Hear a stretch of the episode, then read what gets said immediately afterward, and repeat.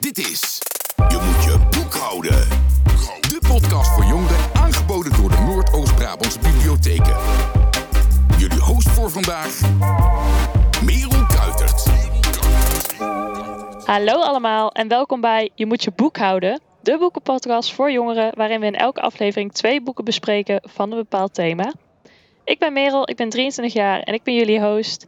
Maar daarnaast ben ik natuurlijk ook bibliothecaris en jongerenspecialist bij Bibliotheek Meijerijstad. In elke aflevering nodigen we een gast uit om te vertellen, normaal, wat voor een boek bij hen indruk heeft gemaakt. En dat jij kunt lezen voor de middelbare school of je vrije tijd. Maar dit keer hebben we een hele speciale gast, namelijk iemand die zelf een boek heeft uitgebracht. Esther Nuiver. En we gaan het hebben over het uitgeven van je eigen boek. Esther, zou je iets over jezelf willen vertellen? Ja, natuurlijk. Ik ben uh, 46 jaar en ik uh, ben moeder van drie kinderen. Ik heb uh, een boek geschreven en um, dat heb ik uitgebracht bij een kleine uitgeverij. Ik ben eigenlijk geen schrijver, maar ik ben wel gewoon in de pen geklommen omdat ik een heel erg leuk idee had. Tenminste, ik vond het een leuk idee. En van daaruit ben ik dat verder uit gaan werken. En dat is uiteindelijk toch een boek geworden. Ja, je boek heet Grevelingen. Wil je daar iets over vertellen? Klopt. Het, uh, het boek heet Grevelingen. Het, uh, het gaat ook over het Grevelingenmeer hier in Nederland. En het verhaal gaat uh, over dat daar iets in het water leeft. Ik zal niet te veel verklappen. Um, wat best wel angstaanjagend is. Um, en het, ja, het is een soort legende die leeft in het Grevelingen. Dus dat, dat heb ik in een boek verwoord. Ja, ik las dat het een beetje iets weggeeft van een, ja, van een legende, hè, zoals de Bokkenrijders bijvoorbeeld. Ja. Um, is het een spannend boek? Is het een fantasyboek? Wat voor soort boek is het? Het is een thriller. Uh, dus het is uh, heel spannend wat dat betreft. Uh, het boek bestaat uit twee delen. Het eerste gedeelte gaat, speelt zich af in 1908. Er zijn gebeurtenissen geweest bij het Grevelingenmeer. die zijn er echt geweest overigens. Um, die komen terug in het boek. Uh, en uiteindelijk springen we door naar het heden. En dan komt hetzelfde ja, gruwel wat in het meer leeft, komt weer tevoorschijn. Uh, en gaat mensen aanvallen. Klinkt heel spannend. Ja. Um, je hebt dus uh, je boek bij een kleine uitgeverij uitgegeven. Hoe ging dat proces precies? Um, ik heb hem uitgebracht bij Kiria Boek. Um, dat is inderdaad een kleine uitgeverij. Die geeft schrijvers een kans om op een kleine uitlaag... Oh, zo, die geeft schrijvers de kans om met een kleine oplage boeken uit te geven. Um, dan nog moet je je eerste manuscript er naartoe sturen. Dat wordt gelezen, beoordeeld en uh, ja, gekeken of het überhaupt wel zin heeft om er een boek van te maken. Um, dan krijg je het terug met uh, voorstellen om van alles nog aan te passen. Dus dat, uh, dan ga je daarmee aan de slag. Um, als het helemaal naar tevredenheid is, dan wordt gecontroleerd op taal- en typfouten, want die sluipen er echt wel in. Um, en dan uh, uiteindelijk uh, wordt het een boek. Ja, kei leuk. Twee weken geleden hebben we een aflevering gehad over stage lopen bij een uitgeverij, namelijk bij Moon Young Adult. Uh, Esther, ik ben daarom, daarom wel benieuwd. Heb je ook andere uitgeverijen benaderd om je boek bij te publiceren? Ja, ik heb ook andere benaderd, ook de grote uitgeverijen. Um, het is heel moeilijk om daartussen te komen. Uh, hun krijgen natuurlijk een heel groot aanbod en zoeken daarbij eigenlijk gewoon uh, ja, de krenten uit de pap. Dus waarvan ze van tevoren weten dat het een echte bestseller wordt. Um, en dan heb je als beginnend schrijver toch iets minder kans. En dus vandaar dat ik wel uiteindelijk gefocust heb op de kleinere uitgevers en ja, toen bij deze uitgever uitgekomen ben. Ja, logisch. En hoe kwam je op het idee om dit boek te schrijven? Twee jaar geleden zijn we in de zomervakantie op vakantie geweest in Grevelingen. Wij hebben toen twee weken op een zeilboot gezeten op het water. Um, ja, Grevelingen heeft een super mooie natuur en het is ook heel rustgevend om op een boot te zitten überhaupt. Um, en er was een avond dat we bij een, uh, aan een steiger lagen. Uh, mooie zonsondergang, barbecue aan. Lekker met z'n allen op de boot. En toen zei een van de kinderen die zei van nou, het is eigenlijk wel de perfecte setting voor een griezelverhaal. Uh, vertel eens iets, mama. En ter plekke ben ik gaan verzinnen. Uh, en de kinderen zijn mee gaan verzinnen van oké, er zit een monster in het water, hoe ziet het dan uit? Um, en met z'n allen hebben we zo eigenlijk het gruwel ja, een gezicht gegeven. en thuis dacht ik, nou eigenlijk is het best een hele goede basis om daar een verhaal van te maken. En ben ik het verder gaan uitwerken. Ja, ontzettend gaaf. En eerder Ja. zei je al, je noemt jezelf geen schrijver, maar je bent toch de pen ingeklommen voor dit verhaal. Ehm, heb jij nooit eerder eh, aspiraties gehad om te schrijven? Nou, ik heb hiervoor wel een boek uitgebracht eh, onder pseudoniem. Oké. En dat was echt een ervaringsverhaal. Ehm, en dat is gewoon niet te vergelijken. Dat is, dan schrijf je echt je ervaring op over iets. Ehm, en dat vind ik toch wel anders dan wanneer je eh, ja, een thriller gaat schrijven en echt alles helemaal verzint. Ja, dat is logisch. Ja, ja. Dus je noemt dit wel echt je debuut? Ja. ja. Nou zijn er meerdere manieren om een boek uit te geven. En dat brengt ons meteen bij het tussenstukje van vandaag. Dat is namelijk de gast Tom van de Nieuwe Oost. En die vertelt over de Wintertuin. En bij de Wintertuin brengen ze chapbooks uit. Zogenaamde EP's voor nieuwe auteurs. Dus daar gaan we even naar luisteren. Hi Merel, ik ben Tom. Ik werk als redacteur en programmamaker bij de Nieuwe Oost Wintertuin. Eh, wij organiseren literaire evenementen en zijn een ontwikkelinstelling. Dat betekent dat wij eh, talentvolle schrijvers eh, begeleiden in zogenaamde talentontwikkeltrajecten. Die duren bij ons meestal zo'n drie jaar en hebben een beetje een vaste opzet. In het eerste jaar leren we de schrijver kennen en stellen we hem, haar of hen de vraag: wat wil je gaan maken en hoe kunnen wij daarbij helpen? In het tweede jaar werken we meestal toe naar een groter product. Eh, dat kan een chapbook zijn, dat is een, eh, een dun boekje, een predebuut noemen we dat, met daarin gedichten, verhalen of een langere novelle. Eh, maar een schrijver kan bij ons ook toewerken naar bijvoorbeeld een theaterperformance of iets dergelijks. En in het derde jaar gaat het over wat grotere vragen, zoals hoe kan ik mijn geld verdienen als schrijver? Eh, hoe vraag ik geld aan voor bepaalde projecten, dat soort dingen. En als de schrijver dat wil, dan ehm, gaan we ook naar uitgevers. Eh, laten we hen het chapbook zien of eh, nieuw werk van de schrijver. En proberen we een contract te onderhandelen als, als dat gewenst is. We zijn naast een ontwikkelinstelling dus ook nog een literair podium. Dus wij bieden schrijvers bij ons ook de mogelijkheid om een performance te ontwikkelen. Of om op te treden als interviewer of presentator of iets dergelijks. Ehm, en daarnaast hebben wij ook nog verschillende maatschappelijke projecten lopen.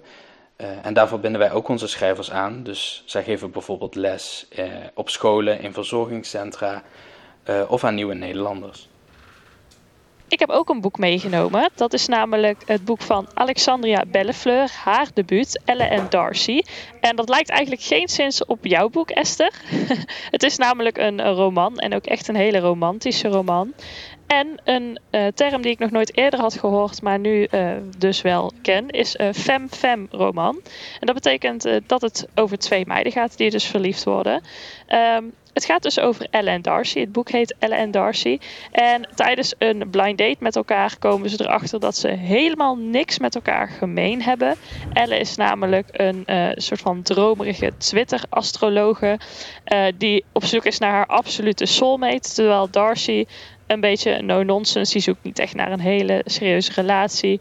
Eh, actuaris is die van regels houdt. Dus eigenlijk eh, ja, lopen ze heel erg uiteen. En het enige wat ze eigenlijk gemeen hebben is dat ze allebei vinden dat het een verschrikkelijke date was. Eh, maar op de een of andere manier hebben ze elkaar toch nodig. De ene voor volgens mij een feestje ehm, dat ze daarbij een date nodig heeft. En de ander voor een huwelijk, als ik het even goed zeg. Eh, dus worden ze gedwongen om tot oudejaarsavond te doen alsof ze een relatie hebben. En ja, het gaat er een beetje over hoe lang ze dat eh, gaan volhouden. Dus eh, ook een debuut van Alexandria Bellefleur. Het is eh, aanwezig in de bibliotheken, maar ook als e-book en als audioboek te luisteren in de online bibliotheek. En eh, echt een aanrader van mij. En wederom een debuut. Dus het eerste boek van eh, Alexandria Bellefleur, Ellen Darcy. Hartstikke leuk dus om te lezen. Ehm, Esther, elke aflevering doen wij ook een dit of dat met onze gasten. Wat betekent dat je eh, twee keuzes krijgt en daar heel snel antwoord op moet geven. Ben je er klaar voor? Ja hoor, zeker. De dit of dat vraag. Oké, dan gaan we beginnen. Lezen in bed of in bad? Bed. Een harde of een zachte kaft? Zacht. Fictie of non-fictie? Fictie. De rest van je leven gratis boeken hebben of in de wereld van je favoriete boek leven? De rest van mijn leven gratis boeken. Je favoriete auteur of je favoriete karakter ontmoeten? Eh, auteur. Lezen met of zonder snacks? Zonde. Binnen of buiten lezen? Binnen. Een serie of een alleenstaand boek? Eh, alleenstaand. Dat waren ze alweer. Nou, heel snel beantwoord. Wow. Ja. Volgens mij bijna een nieuw record. Even kijken, je zei ehm, liever een zachte kaft dan een harde kaft. Waarom is dat zo? Ehm, omdat ik het boek graag eh, half omkrul.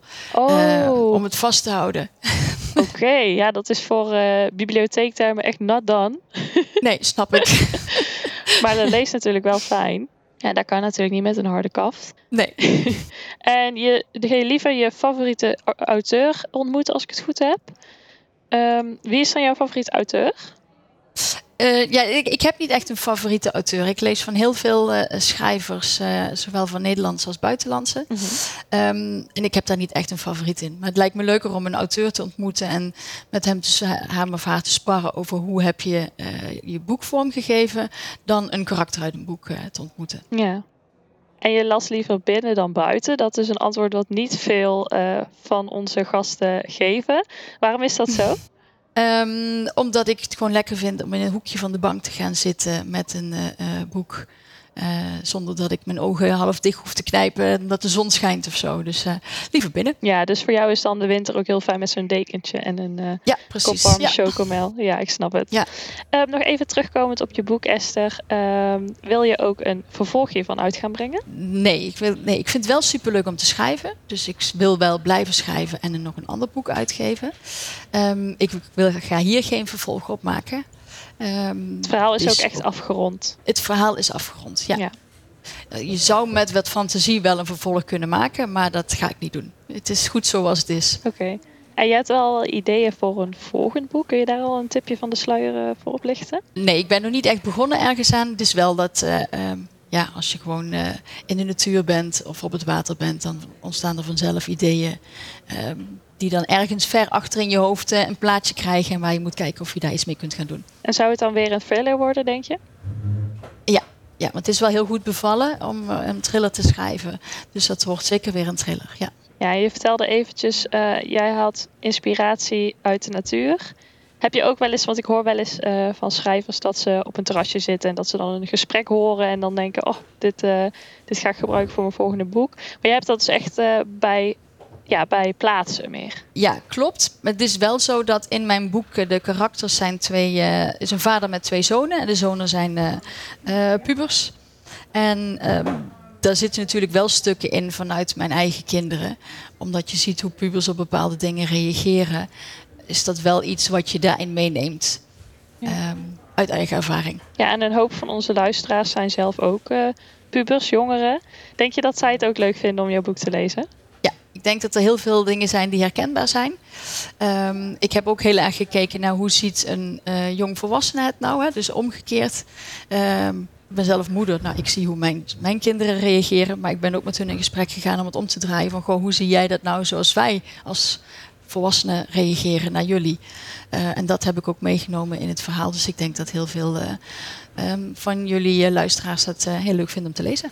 Ja, en jouw jouw kinderen hebben dus ook een beetje meegeholpen aan het verhaal. Als in het eh, ontwikkelen van de, dat- de gruwel, het monster van, eh van. Grevelingen. Ehm, merk je, identificeer je zelf ook met een, met een personage zoals jouw kinderen met de jongeren in het boek? Eh, nee, want er speelt geen moeder in het verhaal. Oké, Dus nee. het gaat om een vader met twee puberzoons die op vakantie zijn. Oké. Dus nee. nee. nou hartstikke leuk Esther. Ik vond het heel leuk om te horen over jouw, jouw laatste boek en aankomende boek overigens. nou, daarmee komen we alweer aan het einde van deze aflevering. Ik wil jou heel erg bedanken Esther voor het vertellen over jouw laatste boek. Dankjewel Merel dat je mij eh, uitgenodigd hebt hiervoor. Eh, en de luisteraars natuurlijk heel erg bedanken voor het luisteren naar deze aflevering weer. Mocht je nou niks te doen hebben in de tussentijd tot de volgende aflevering, pak er dan even een lekker boek bij. Zoals het boek van Esther Grevelingen of het boek eh, Elle en Darcy van Alexandria Bellefleur. En eh, dan zien we jullie, of horen we jullie, de volgende keer weer bij Je moet je boek houden. Dit was Je moet je boek houden. Luister over twee weken naar een nieuwe aflevering via jouw favoriete streamingsdienst. Ga ondertussen delen, liken, stuur ons berichtjes met je vragen of opmerkingen, maar ga vooral lezen. Maar lezen.